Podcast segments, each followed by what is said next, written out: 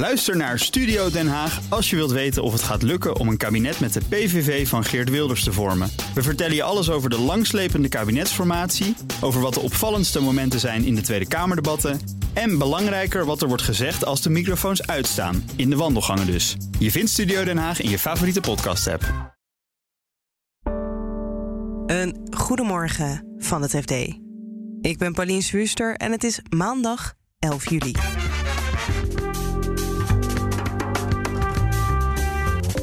Het FD heeft mee kunnen kijken in de interne berichten van taxibedrijf Uber. Die geven een unieke inkijk, denk ik, in hoe zo'n Amerikaanse multinational opereert. Hoe zij wheelen en dealen met de politiek. En hoe zij zich gedragen eigenlijk als uh, ze denken dat de wereld niet meekijkt. In die periode rollen ze hun illegale dienst Uberpop uit. Du moment dat dus inspecteurs, politie en uh, later ook officieren van justitie binnenkomen, dan uh, wordt van afstand uh, worden de computers geblokkeerd. En terwijl Uber zich verzet tegen de autoriteiten, lobbyt VVD-corrivé Nelly Kroes heimelijk voor het bedrijf. Ze weet dat ze tegen de regels ingaat.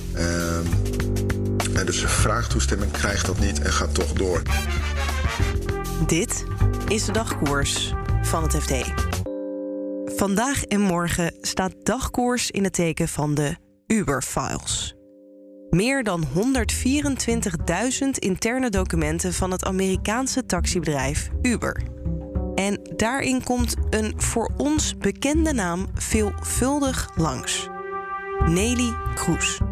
De voormalig VVD-minister die van 2004 tot 2014 eurocommissaris was. Dus wordt een beetje gezien als uh, degene die, die van alles en nog wat kan uh, wonderen kan verrichten voor Uber. Dus ze zijn zich ontzettend bewust van haar VVD-profiel, van haar connecties in, in de regering, in de VVD-kant van de regering. Dus ze weten donders goed dat ze daar een, een unieke ingang hebben. Je hoort onderzoeksjournalist Johan Leupen. Een van de twee FD-collega's die zich heeft gebogen over de Uber-files en over de rol die Nelly Kroes heeft gespeeld in de lobbycampagne van de Amerikaanse multinational. Want toen Nelly Kroes pas net eurocommissaris af was, bleek ze zich al in te zetten voor Uber. En dat terwijl ze een afkoelingsperiode had van 18 maanden waarin ze dat soort activiteiten niet mocht uitvoeren. Bij haar aantreden als eurocommissaris in 2004 zei ze nog dat ze daarna nooit meer voor het bedrijfsleven ging werken. The most important uh, sentence I wrote down and I explain here this afternoon is that after my period in um, the commission, I will not take any um, responsibility in the business world. Even not, uh, for example, that the breakfast activity. Wat zij, Nelly Kroes, heeft gedaan om de positie van Uber te versterken, dat hoor je zo. En ook wat de mogelijke consequenties kunnen zijn van haar acties. Maar eerst vertelt Johan nog even wat de Uber-files precies zijn. Het is een grote, groot, groot lek bij Uber, waarbij tienduizenden e-mails van werknemers, hooggeplaatste werknemers, gespreksverslagen, notulen, WhatsApp-berichten uh, eigenlijk in onze handen zijn gekomen. En van uh, die van ICIJ, het uh, journalistenconsortium. Het International Consortium of Investigative Journalists, waar wij al jaren mee samenwerken sinds de Panama Papers. En daarna hebben we met hen gedaan onder andere de Paradise Papers, Pandora Papers, Vincent Files en nou, een heleboel van dat soort internationale onderzoeken. En wij zijn een aantal maanden geleden door hen gebeld met de vraag of we weer met een nieuw onderzoek mee zouden willen doen. En uh, nou ja, dat zijn uiteindelijk de Uberfiles geworden. En dit is de andere collega die zich heeft gestort op de Uberfiles, data- en onderzoeksjournalist Gabi de Groot. En die Uber-files, dat zijn dus allerlei interne berichten die Uber-medewerkers naar elkaar stuurden in de periode van 2014 tot in de loop van 2016. Op dat moment is het Amerikaanse bedrijf bezig met Uber Pop. Een dienst waarbij mensen zoals jij en ik zonder taxivergunning betaald klanten rond kunnen rijden. Volgens Uber revolutionair en disruptief voor de taximarkt, maar volgens de bedrijven waarin ze de dienst lanceerden vooral illegaal. En daar wilde Uber verandering in brengen. Zij zijn in Nederland, maar ook in andere Europese landen, uh, ontzettend hard bezig met een uh, ongekende lobbycampagne. Uh, om nou ja, politici, bewindvoerders te overtuigen dat ze de taxiwet moeten veranderen, zodat Uberpop legaal wordt. Want het is eigenlijk overal verboden. En hoe krijg je daar de handen voor op elkaar in Europa, in Brussel en in alle lidstaten? Daar moeten natuurlijk allerlei aanpassingen in de wet gebeuren. Dan moeten die vergunningscriteria moeten heel anders worden. Daar zijn ze dus achter de schermen dan ontzettend druk al mee. Met uh, eurocommissarissen, met uh, bewindslieden, iedereen die hem maar aan wil horen. Die moet, moet, overtuigd, eh, moet overtuigd worden van ja, de maatschappelijke relevantie van, van een bedrijf als Uber. En terwijl het taxibedrijf de politiek probeert te overtuigen van hun waarde, komt Nelly Kroes het verhaal binnen.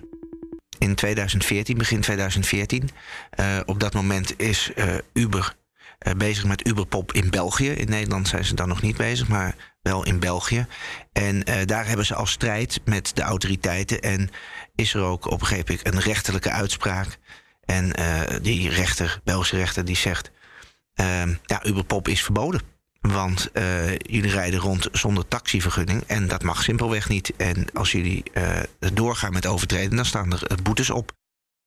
En daarop reageert uh, Nelly Kroes, die op dat moment eurocommissaris is van de digitale agenda.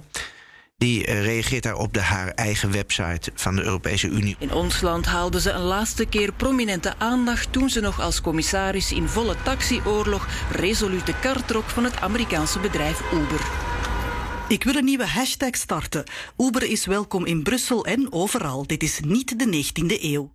Uh, ja, dit is toch wel, als je dat zo leest, haar statement daar, is dat toch wel ja, heel erg um, ja, uh, uitgesproken voor een eurocommissaris. Ja, die blog blijkt wel, heeft daar echt op de radar gezet binnen Uber. Uh, men ziet dat uh, deze, deze vrouw staat aan onze kant. Uh, die moeten we in de gaten houden. Natuurlijk is dat vanuit Uber logisch ook. Hè, dat je dit soort uitingen dan ja, registreert. En dan ook met die mensen verder in gesprek gaat over... kijk, dit hebben wij nodig. Uh, als je ons zou willen helpen, dan kun je dat doen. Wellicht doordat ze zo uitgesproken was eerder dat jaar over Uber... Ehm, ja, hebben ze haar benaderd of zij misschien een uh, functie zou willen vervullen na haar baan als eurocommissaris uh, bij Uber om in een adviesraad uh, te gaan zitten. Weten we of ze daar gelijk voor open stond? Um, ja, daar lijkt het wel op. Um, op een gegeven ogenblik is er een, een bijeenkomst in Brussel, de Digital Action Day. En dat is door haar als eurocommissaris helemaal opgezet. En ook de toenmalig CEO van Uber is daarvoor uitgenodigd. Um, en ja, in de uh, e-mails die wij zien tussen Uber-medewerkers wordt op een gegeven ogenblik gezegd van uh, ja, ze wil, uh, ze wil dat wel graag, maar dan wil ze op dit moment niet gezien worden met de CEO van Uber. Want dat zou wel eens vragen kunnen oproepen als ik eenmaal, als ik gestopt ben met als eurocommissaris, en ik treed toe tot die adviesraad, dan zullen mensen zeggen van hé, hey, maar uh, je was toen al met hem in gesprek, je stond toen al met hem op de foto. Je merkt dus dat in 2015 eigenlijk, zij is dan al commissaris, eurocommissaris af, is aan de ene kant wel geïnteresseerd in die functie, maar aan de andere kant weet ze ook wel dat uh, dat waarschijnlijk niet helemaal gaat vliegen, uh, omdat het tekort zit op haar tijd als politica. En er is al veel gedoe over geweest binnen de Europese Commissie. Over mensen die al te snel van uh, hun rol als eurocommissaris uh, naar het bedrijfsleven zijn uitgevlogen. Die draaideur, daar is al veel controverse over geweest. Er zijn ook al regels al een paar keer over aangescherpt bij de EC. Dus uh, het kan gedoe opleveren als je te snel die overstap maakt richting het bedrijfsleven op een terrein waar je je notabene ook mee bemoeid hebt als eurocommissaris. Dat weet ze. Dat weet ze en dat, dat zien we ook terug in de gelekte files, dat, dat dat wel een zorg is. En terwijl Nelly Kroes dus eurocommissaris af is en nog steeds grote interesse toont om toe te treden tot de adviesraad van Uber, heeft het bedrijf grote zorgen. Uberpop is dan ook in Nederland actief en ook daar nog steeds illegaal. En dus krijgt het taxibedrijf de toezichthouder op zijn dak. En de ILT, dat is die toezichthouder, die begint dus ook boetes op te leggen. Steeds hogere bedragen. Op een gegeven moment is er ook een inval. De eerste inval van de ILT bij Uber zelf. Uh, en dan proberen ze allerlei gegevens uh, te pakken te krijgen. En Hoe vast die inval? Ja, voor de ILT heel moeizaam. Um, dat is ook een interessant inkijkje wat je via de Uber-files krijgt. Is dat je ziet dus eigenlijk wat er aan de andere kant ontstaat. Uh, paniek natuurlijk. De, de CEO Travis Kalanick is er hoogstpersoonlijk bij betrokken eigenlijk slaat hij alarm intern en zegt: er is nu een, aanval, een inval gaande in Amsterdam. Hit the kill switch. Met zoveel woorden zegt hij eigenlijk: grijp in, wist de servers op afstand, want ze staan daar voor de deur. En ze proberen onze gegevens te pakken te krijgen. Dus ze zijn dan in, in alle staten en ze zijn ook bezig om uh, die servers ontoegankelijk te maken voor de Nederlanders. En op dat moment pakt Nelly Kroes haar telefoon. Precies op die dag zien wij in de documenten uh, dat uh, er gemeld wordt dat zij uh, naar aanleiding van die invallen direct contact opneemt met allerlei ministers. In ieder geval met Melanie Schultz van Hagen, op dat moment minister van Infrastructuur, waar de ILT dus onder valt. Um, maar ook met de minister Henk Kamp van Economische Zaken. Um, burgemeester van Amsterdam, omdat heel veel uh, van dit soort taxis, Uberpop-taxis in Amsterdam rondrijdt. En dus een hoge topambtenaar, de secretaris-generaal van uh, het ministerie van Infrastructuur. En wat zegt zij hun dan? Wat wil ze dat zij doen? Um, zij wil dat, uh, ja, dat zij ja, eigenlijk als ware ingrijpen en ervoor zorgen dat ja, de handhaving van ehm, Uberpop in ieder geval wordt versoepeld. Of ja, zelfs helemaal wordt gestopt. Uh, gaan die mensen daarin mee? Weten we dat? Nee, dat weten we niet. Um, we hebben het ze uiteraard gevraagd. En zowel Henk Kamp als Melanie Schultz uh, zeggen zich uh, weinig tot niets te kunnen herinneren. Maar de secretaris-generaal van infrastructuur die ze heeft gebeld, weet zich het wel heel goed te herinneren. En die zegt ook dat zij toch wel echt duidelijk maakte dat ze namens Uber belden. En dat ze vroeg wie uh, hiervoor allemaal verantwoordelijk was. En terwijl Nelly Kroes deze telefoontjes pleegt, waarbij ze zegt dat ze namens Uber belt, heeft ze formeel geen functie bij het bedrijf. Dat zou ook niet mogen, want ze is dan pas een paar maanden eurocommissaris af. En dat is te vroeg om al actief te zijn voor het bedrijfsleven zonder nadrukkelijke toestemming vanuit Brussel. Wat die Uber-files dus laten zien, is dat ze dan al lang bezig is. Al lang en breed aan het lobbyen geslagen is alleen niet formeel een contract heeft met Uber. In het najaar van 2015 vraagt Nelly Kroes dan eindelijk toestemming om een functie uit te gaan voeren bij Uber. Ze klopt dan eerst aan bij de ethische commissie. Wil ze eigenlijk dus een soort van groen licht hebben voor haar werkzaamheden, voor haar betaalde werkzaamheden als voor, Uber. Nou, daar wordt al vrij snel uh, toch gezegd: dit lijkt ons geen goed idee. Um, daar wordt op meerdere niveaus over geschakeld en gewisseld. En dan, ja, dan is het natuurlijk daar niet tevreden mee. Uh, er wordt ook gewezen natuurlijk op haar afkoelperiode. Dus je hebt eigenlijk als eurocommissaris 18 maanden moet je in feite gewoon een afkoelingsperiode in acht nemen. Tenzij, tenzij er misschien bepaalde verzachtende omstandigheden zijn. Maar in principe moet je dan niet zomaar aan het werk gaan voor een commercieel bedrijf. En dat wordt hier ook gezegd. En daar neemt ze geen genoegen mee. Uh, Nelly wordt boos. Uh, ze gaat ook de voorzitter van de EC op dat moment, Jean-Claude Juncker, ja, bestoken met van ik wil hier aan de slag. En ja, die heeft dat eigenlijk in een uh, heel uh, kort briefje uh, wat wij hebben, heeft hij dat nou ten zeerste afgeraden. Een formele functie bij Uber is dus niet gepast, oordelen ze vanuit Brussel. Ze krijgt eerder dat jaar wel toestemming om een andere functie uit te gaan voeren.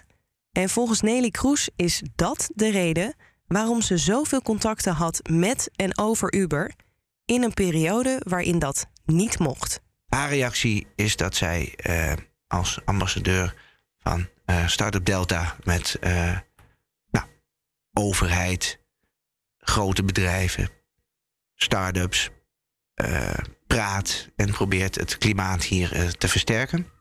Ja. En aan de andere kant zegt ze ook van dat zij in die tijd, in die afkoelingsperiode, nimmer een formele of een informele functie bij Uber heeft gehad. Dat, dat vind ik lastig te rijmen met wat jij verder allemaal vertelt. Ja, eh, dat is eh, heel lastig te rijmen. En uh, ja, waar het hier misschien om gaat, is het woord functie. Uh, zij had inderdaad geen formele functie uh, bij Uber. En misschien kun je ook zeggen dat ze geen informele functie had. Ze is er ook niet voor betaald, voor zover wij weten. Maar je kunt wel zeggen dat ze hier activiteiten ontplooiden ten faveur van Uber. Ja. En ja, dat is ook wat een van de hoogleraren die naar deze casus heeft gekeken, Leo Huberts, ook zegt van ja, wij uh, staren ons uh, veelal blind of uh, op iemand een functie heeft en of dat integer is. Maar we kijken eigenlijk nog niet zo goed naar activiteiten. Wat je in de informele rol doet. En wat je als persoon doet als je iemand belt. Ja, is dat formeel, is dat informeel, maar het gebeurt wel. En na die maanden heimelijk lobbyen is Nelly Kroes haar afkoelingsperiode voorbij. Bijna gelijk wordt ze adviseur bij Uber en krijgt ze dan toch die formele rol. Zij uh, treedt dan per mei 2016 in betaalde, ja, zou je kunnen zeggen, dienst eh, als lid van, de, van die, van die uh, adviesraad, de internationale adviesraad. Dan is haar afkoelingsperiode als eurocommissaris inderdaad ook afgelopen.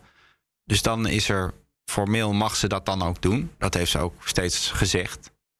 Hoe, hoeveel krijgt ze ervoor? Een hoofd iets van twee ton. Ja, is dat een uh, normaal bedrag? Ik denk dat het voor zo'n groot bedrijf, zo'n groot techbedrijf, wat op dat moment gewaardeerd is op tussen de 50 en 60 miljard, afhankelijk van wanneer je kijkt, is dat, ja, dat is niet een. Uh, ik schrik daar niet van.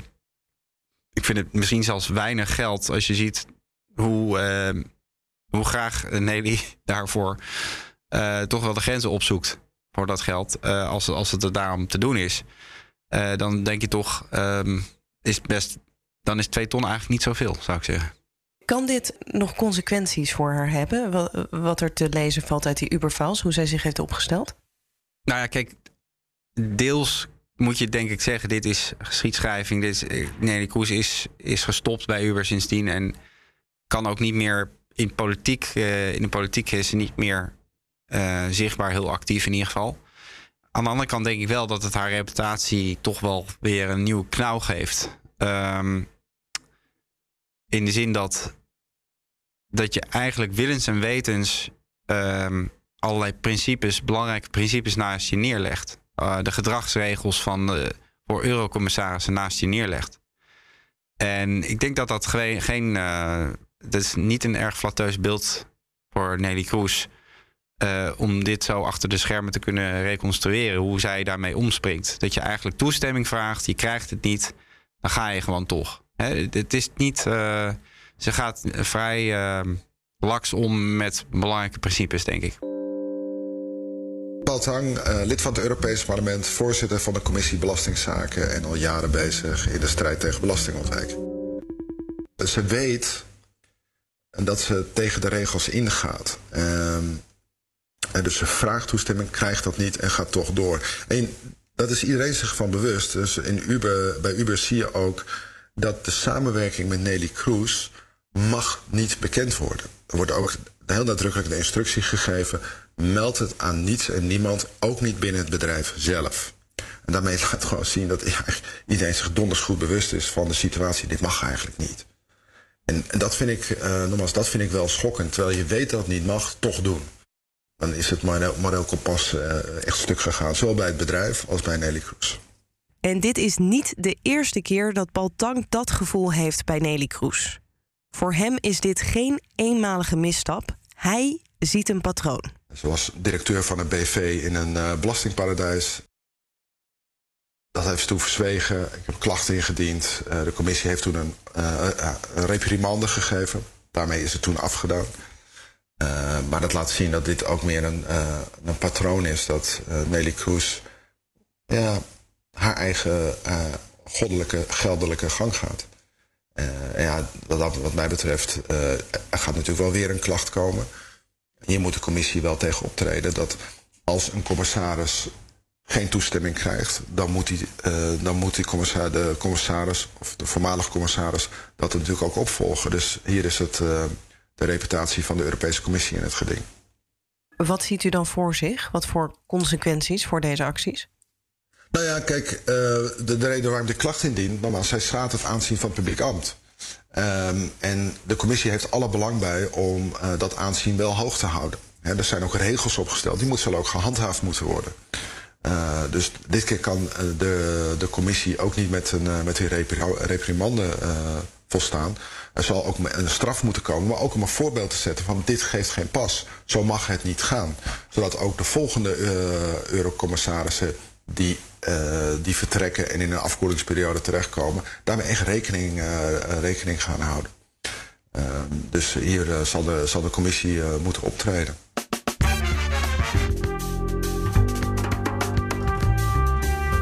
Dit was de dagkoers van het FD. Aflevering 1 over de Uberfiles. Morgen nog eentje. En dan gaan we het hebben over de opstelling van de Nederlandse Belastingdienst richting Uber. Ik zie mezelf als ervaren. Je weet dat, het, uh, dat als je die schimmige wereld openbreekt, dat je te zien krijgt wat je niet wil zien. En toch schrok ik. En die aflevering van Dagkoers vind je morgen automatisch in je favoriete podcast-app. Als je tenminste bent geabonneerd. En ondertussen kun je natuurlijk de verhalen van Gabi en Johan vinden op fd.nl. Voor nu een hele fijne dag en graag tot morgen. Ook Harm Edens vind je in de BNR-app. Je kunt BNR Duurzaam niet alleen live luisteren in de app, maar ook terugluisteren als podcast, zoals al onze podcasts. En naast dat de BNR-app Breaking News meldt, houden we je ook op de hoogte van het laatste zakelijke nieuws. Download nu de gratis BNR-app en blijf scherp.